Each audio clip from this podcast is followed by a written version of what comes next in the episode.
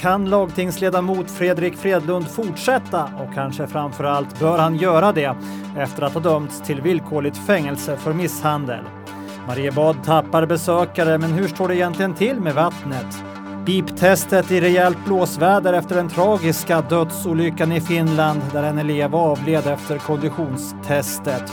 Hur bör åländska skolor agera? 45 miljoner euro, det är många nollor att hålla reda på det. Men eh, vad är egentligen extra anslag? Är det ålänningarnas pengar eller är det rikets pengar? Detta talas det om på Åland fredagen den 21 september. Det här är premiäravsnittet för podcasten Resumé där vi gör en djupdykning i det åländska nyhetsflödet från den gångna veckan. I studion hör du idag Hasse Persson Bruk. Ja, lagtingsledamot Fredrik Fredlund, obunden samling, döms till 75 dagars villkorligt fängelse för misshandel av sin före detta sambo. Han döms för två fall av misshandel som skedde i april och december 2016. Däremot förkastar tingsrätten ett åtal från december 2015. Fredrik Fredlund duckar, partiordförande Bert Häggblom likaså och lagtingets talman med förflutet inom partiet Obunden samling, Gun-Marie Lindholm. Hon, hon tar i med silkesvantarna. Vi vet att, att eh, det är så här man säger i domen men den har fortfarande ingen rättsverkan i det här skedet. Sen kan ju förstås ledamoten själv om det är så att han anser att i sitt uppdrag och i sitt arbete det blir försvårande med den här nu då domen så kan han ju själv begära om han tycker att det blir under den här tiden fram till att den blir verkställbar en befrielse för viss tid som ändå sen lagtinget ska pröva om man ger det. Men frågan vi ställer oss är, kan Fredrik Fredlund sitta kvar i lagtinget? Och vad händer egentligen nu? Nya Ålands Emma Harald, Centerns Harry Jansson och Moderat Samlings Tage Silander kommenterade situationen. Vi kan ingenting göra. Vi må tycka var en vad som helst om den här frågan men den existerar inte enligt lagtingsordningen före domen har fallit, fastställts slutligt. För tanken är, vi måste komma ihåg det, tanken är det att man ska vara skyddad otroligt för att, för att bli, både egentligen för att få befrielse och för att kunna avsättas. Emma Harald, vad, vad borde hända nu? Uh, framförallt så tycker jag att, att uh, obunden samling kanske behöver göra lite krishantering. Uh, hittills uh, så har ju det varit väldigt tyst. Och det är ju kanske lite förvånande. Uh, även, om man, även om man inte vill ta ställning i, i skuldfrågan som man ju inte ska göra. Men, men, men man kan ju fortfarande deklarera partiets linje. Eh, ta avstånd från våld. Sedan, sedan eh, kan man också tycka att det är anmärkningsvärt att, eh, att eh, även om inte lagtinget formellt kan ha, ta det här som ett ärende så kan ju alla andra partier säga, säga någonting och agera på något vis.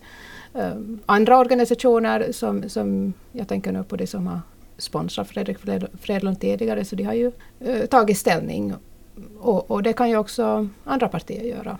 För att, att visa sina väljare var de står i den här frågan.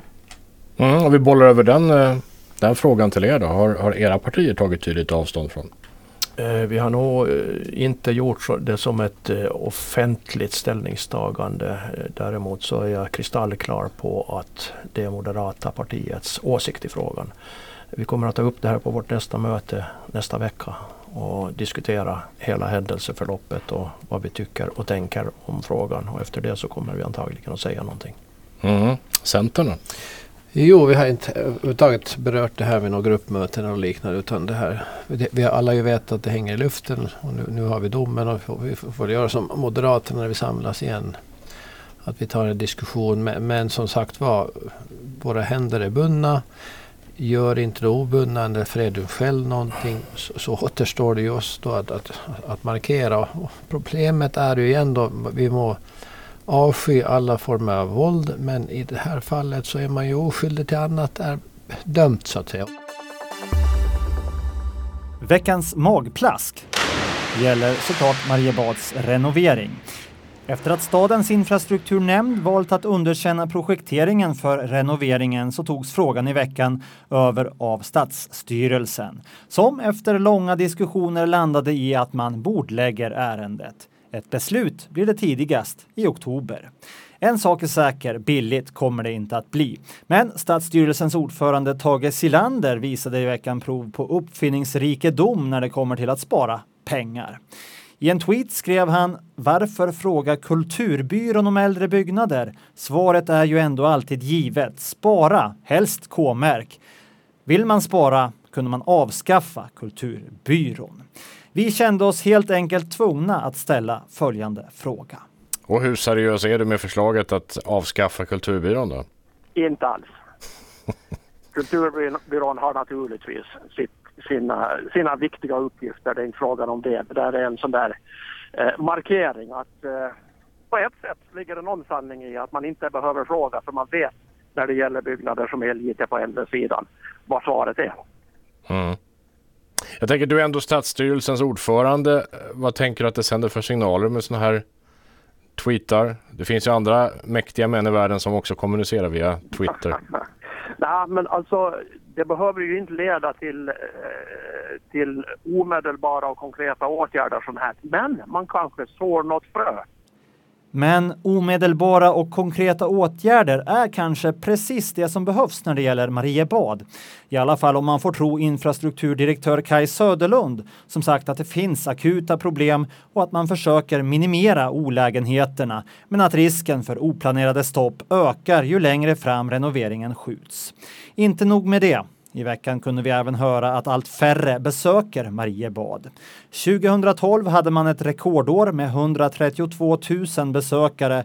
Efter det visar statistiken på minskade besökssiffror. I år så får vi nog vara glada för om vi kommer upp i 100. Och, och eh, det är klart, jag, jag, tror nog alla de här skriverierna och det här som vi har informationen i media så, så kanske har varit den som har påverkat störst och mest med det här. Sa Kristoffer Sundman som är chef för Mariebad och angav besöksmålet för i år i tusental bör tilläggas. Alltså 100 000 personer, inte 100 personer. Men hur farligt kan det egentligen vara med ständiga stopp och reningsprocedurer och chockkloreringar? Är rädslan för en guppande bajskorv i poolen överdriven? En som minsann inte vänder Mariebad ryggen bara för att sikten är grumlig, det är Rasmus Westerback som leder Ålands simförenings fridykningsverksamhet med träningar tisdagar och torsdagar. Visst hade vi här under våren så, så var det sina situationer när, när de hamnar tjockklorera vattnet och, och, och man hamnar ställa in träningen. Men, men eh, festen har börjat bra nu. Men vad gör ni om de stänger eh, precis när ni ska ha er träning då? Får ni inte komma in? Nej, nej eh, är det så att de, de klorerar så, så då får vi inte komma in utan då, då måste vi, vi ställa in träningen. Alternativt köra någon uh, landträning i, istället. Det blir lite torr sim. torr, torr sim istället. Torr, torr andhållning som vi kan, kan köra på land. Ja, det fina med andhållning är ju att man kan göra det eh, till och med i rymden och på land. Ja, ja du, du kan göra det var som helst. Just det. Eh, men hur är vattnet då? De flesta badgäster har ju inte simglasögon, men det har ju ni som tränar den här formen. Hur är sikten i vattnet? Ja, alltså det finns nog, om vi tittar som så, vi, vi filmar ganska ofta våra, när vi, när vi dyker för att träna så att man själv kan se tekniken och, och rörelserna man gör och, och förbättra den. Och, och det är nog en, en markant skillnad mellan vattnet i, i Mariebad och det som är ute i Godby.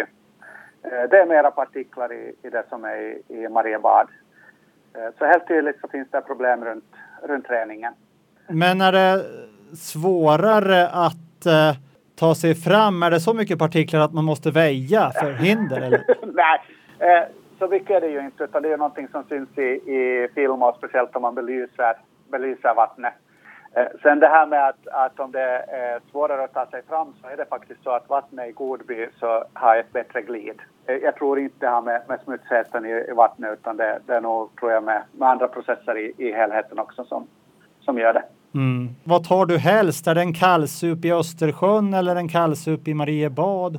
Ja, eh, har väl inte så, så stor skillnad. I Östersjön vet vi att den inte heller är ren så, så samma problem har vi där. Ja, det är ju ännu skitigare kanske. Det är alger, bensin och skräp och skit och plast och gödsel. Vem vet vad som finns Ja. i Östersjön egentligen. Eh, Nej, det, den är ju absolut inte, inte kontrollerad. Så att det, det som är att eh, Maria badvattnet, så nu är det helt min uppfattning runt det, så är ju det att, att de, de gör sitt bästa och de, de hamnar ju tyvärr sätta lite mer kemikalier i det än, eh, än vad som skulle vara optimalt. Eh, men, men det gör ju det att vattnet är ju ändå rent och, och utan bakterier. Eh, så på det sättet är det tryggt att att vara där. Men vad ska man göra för att få, få tillbaka besökarna då? Jag vet inte, jag, jag tror ju att de som har blivit rädda för, för vattenkvaliteten och, och så vidare så, så är väl nog svårare att få tillbaka före vi har renoveringen gjord. Tack så mycket för att du var med oss Rasmus.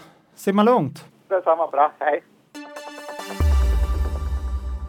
Nu dags för veckans Vi har lösningen.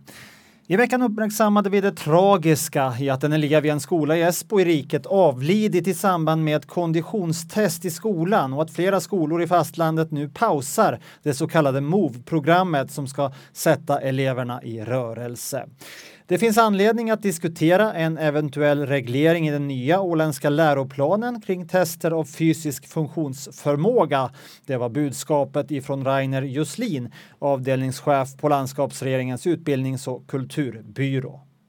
Kanske något förvånande är att när jag nu har ringt runt lite på förmiddagen så har man inte känt till det här på Åland, att det här har skett i riket. Så att vi kommer att ha ett skolledarmöte här inom kort och jag tycker att det är en sak som behöver sättas på agendan. Enligt Rainer Juslin så förekommer varken BIP-tester eller MOVE-programmet som helhet i den åländska skolan och utbildningsminister Tony Assoma, Liberalerna, med ansvar för idrottsfrågor, vill heller inte se det i framtiden. Rent vetenskapligt så behöver vi ha det säkert. Men, men eh, jag tror inte att för att eleverna och ungdomarna ska må bra behöver man inte ha det. Utan det viktiga är att, att, att alla rör på sig. Det finns de som rör på sig mer och de som rör på sig mindre. Men det viktigaste är att vi får alla att röra sig. Och vi kör vårt eget race här. Jag kan lova att vi kommer nog inte att börja testa något beep-test. Så länge jag sitter. Kanske något annat tycker annorlunda. För jag, jag tycker inte det har någonting att göra med, med allmänt välbefinnande eller allmän, allmän kondition. Med oss på telefon nu så har vi Ove Sjöblom som är Ålands Radios sportansvarige och som själv ägnat sig åt idrott eh, genom hela livet. Ove, varför bör åländska skolor säga nej till BIP-tester? Eh, jag anser ju att eh, det är kanske ett av de mest sadistiska löptest, konditionstest man kan utsätta eh, människor för eh, och, och, och framförallt barn. Den som har gjort ett, ett BIP-test eh, så tycker nog inte att eh, det är så där himla roligt. Och det är ju så att om man håller på att idrottar eh, så då så finns det ju olika tester som eh, man kanske behöver göra för att hålla lite koll på var man är och hur, i hur bra form man är och framförallt att om man gör de där testen lite kontinuerligt så får man en, en utvecklingskurva. Men det är ju på sådana som håller på på tränar flera gånger i veckan och då så gör man ju det av frivillighet och då är det ju okej att utsätta sig för, för olika tester och så vidare. Men att eh, göra det i skolan eh, på skolelever eh, så är det ju verkligen att eh, slå en stämpel i pannan på de som kanske inte rör sig så mycket om att du är i värdelös form.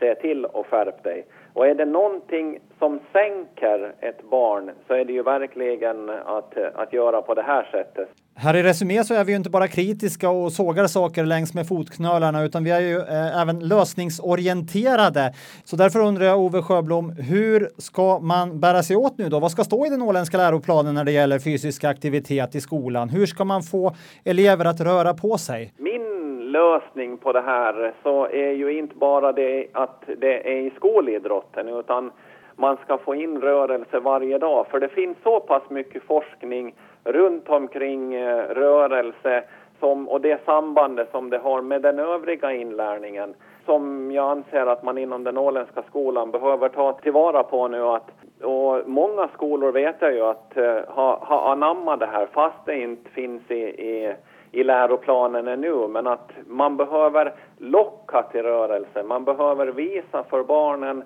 eh, som idag har blivit stillasittande att eh, det är roligt att röra sig och när man rör sig så då så blir man piggare, man or orkar med eh, allt annat eh, också. När man läser biologi så då ska man inte sitta inne framför en, eh, i en bänk framför en, en bok och, och titta på, på blommor och växter, utan man går ut i naturen och tittar på blommor och växter. Då får man kombinationen av att man lär sig hur blomman ser ut i, i verkligheten, eh, man får, och eh, samtidigt då så får man röra sig och det är ju liksom en sån där grej. Och samma sak med närheten i området, eh, det som vi på min tid kallade kallade geografi, men att nu eh, heter någonting annat så då så kan man ju gå ut och titta på, på närheten istället. Tack för eh, de tankarna säger vi då till Ove Sjöblom. Tack. I veckans... Jag fattar inte en förbaskad Roger. Inte en jota. Tänkte jag försöka reda ut det här med extra anslag. I lagtinget diskuterades det vilt i veckan om huruvida landskapsregeringen skulle anhålla om just det, extra anslag från riket för att få loss pengar som man i sin tur skulle kunna använda till att byta ut gamla broar på Åland och även bygga en ny på Västra Föglö. 45 miljoner euro handlade om, inga småsummor alltså, men vems pengar är det egentligen? I lagtingsdebatten hördes å ena sidan att Vi tror inte från Centerns sida att man allt för ofta kanske ska, ska komma till Helsingfors och, och begära pengar. Vi tycker att vi borde finansiera, oss, finansiera självstyrelsen på egna pengar utan att behöva gå med mössan i hand till Helsingfors. För det är ovärdigt för självstyrelsen. Å andra sidan hörde vi att Det är våra egna pengar. Det är pengar som våra företagare och våra, vår befolkning har betalat in till den skattkistan till staten. Vad skulle det vara för problem att gå och be om att få tillbaka våra egna pengar? Så vad handlar det om egentligen? Vi bad landskapets finansavdelning reda ut det här men hamnade ändå till slut hos finansminister Mats Perema. Extra anslag är en del i de mekanismer som finns angivna i självstyrelselagen hur vi får, får eh, tillbaks av de pengar som vi skattebetalare betalar då i första hand till, till statskassan. Förut fick vi det en gång för, för Finlandskabeln, en jättestor satsning och nu söker vi det för, för ett antal broprojekt. Så att det är, ingen, det är, det är inga så, så att säga pengar som vi söker om som ligger utanför systemet utan det är en del i våra möjligheter att, att få utnyttja de gemensamma skattemedel som har flutit in till statskassan där vi då har den här rättigheten att söka och också bli beviljade pengar för sådana här mål och det här ändamålet. Eh, Men eh, kan man beskriva det som att man kommer med mössan i hand till Helsingfors eller är det åländska skattebetalarnas pengar som vi har rätt till eller ligger sanningen någonstans mitt emellan? Eh, Nej, alltså det, vi har rätt till dem eftersom de stå, står beskrivna, eller möjligheten till det här står beskrivet. Och möjligheten och därmed rättigheten står beskrivet i, i självstyrelselagen och vi ska komma ihåg att den självstyrelselagen har antagits av både riksdagen i Finland och av lagtinget här på Åland. Eh, Men om det är våra skattepengar, varför ber vi inte om de pengarna oftare? Eh, Ja, det kan man ju fråga sig. Det, den diskussionen var ju upp här i lagtinget här, och, här nu den här veckan och har diskuterats så tidigare. Det, det, det är klart alltså, det blir ju ändå en bedömning. Alltså, vi ska komma ihåg, det är inte staten som avgör eller Finland som avgör om vi får de här pengarna som vi då enligt systemet har, har rätt att ansöka om, utan det är den så kallade Ålandsdelegationen då ett, som är ett organ där det finns representanter för, för både Finland och för Åland och där landshövdingen sen så håller i ordförandeklubb alltså. Och frågan avgörs ju där. Men dels så, så ska det vara fråga om projekt som är så stora som man inte normalt kan finansiera över landskapsbudgeten. Och sen ska man ju också befinna sig i den situationen att, att lagting eller en landskapsregering då har sådana projekt på gång som, som passar ihop med den här mekanismen. Och just nu så, så har vi ju ett jättestort behov av att se över många broar och att bygga någon ny bro också så att nu, nu just så passar det väl in. Hur går en överföring av pengarna till då rent praktiskt? Är det en insättning via ett bankkonto? Skickar Åland räkningarna som blir då till Helsingfors eller kommer det någon från finansministeriet med en stor portfölj med pengar? Nå, jag tror att vi kan räkna bort det sista alternativet med, med en gång så, så kommer det inte att ske. Nej, men i, i praktiken så fungerar det så att eftersom vi söker för ett, ett visst projekt, eh, vissa broar i det här fallet och så, så då kommer vi sen så småningom när, när pengarna blir beviljade av Ålandsdelegationen förhoppningsvis då så kommer vi att redovisa kostnader för, för samma projekt som vi har ansökt för och sen vartefter vi redovisar kostnader så kommer vi att få pengar utbetalda då i praktiken från, från statskassan via finansministeriet här till finansavdelningen här, här i, i landskapsborgen. En insättning på bankkontot och med många nollor? Eh, så är det. det. Det fungerar ju via bankkonton sa finansminister Mats Perema, Liberalerna. Och lagtinget röstade i veckan för att landskapsregeringen nu ska få ansöka om extra anslag. Det blir nu upp till Ålandsdelegationen att bedöma om prislappen för de broar som ska byggas kan beskrivas som osedvanligt stora engångsutgifter som inte rimligen kan finansieras med landskapets budget. Så står det nämligen i självstyrelselagen. Du har lyssnat på Resumé. Glöm inte att du kan höra av dig till oss via adressen resumé alandsradio.ax. Jag heter Hasse Persson Bru och vi hörs igen om en vecka.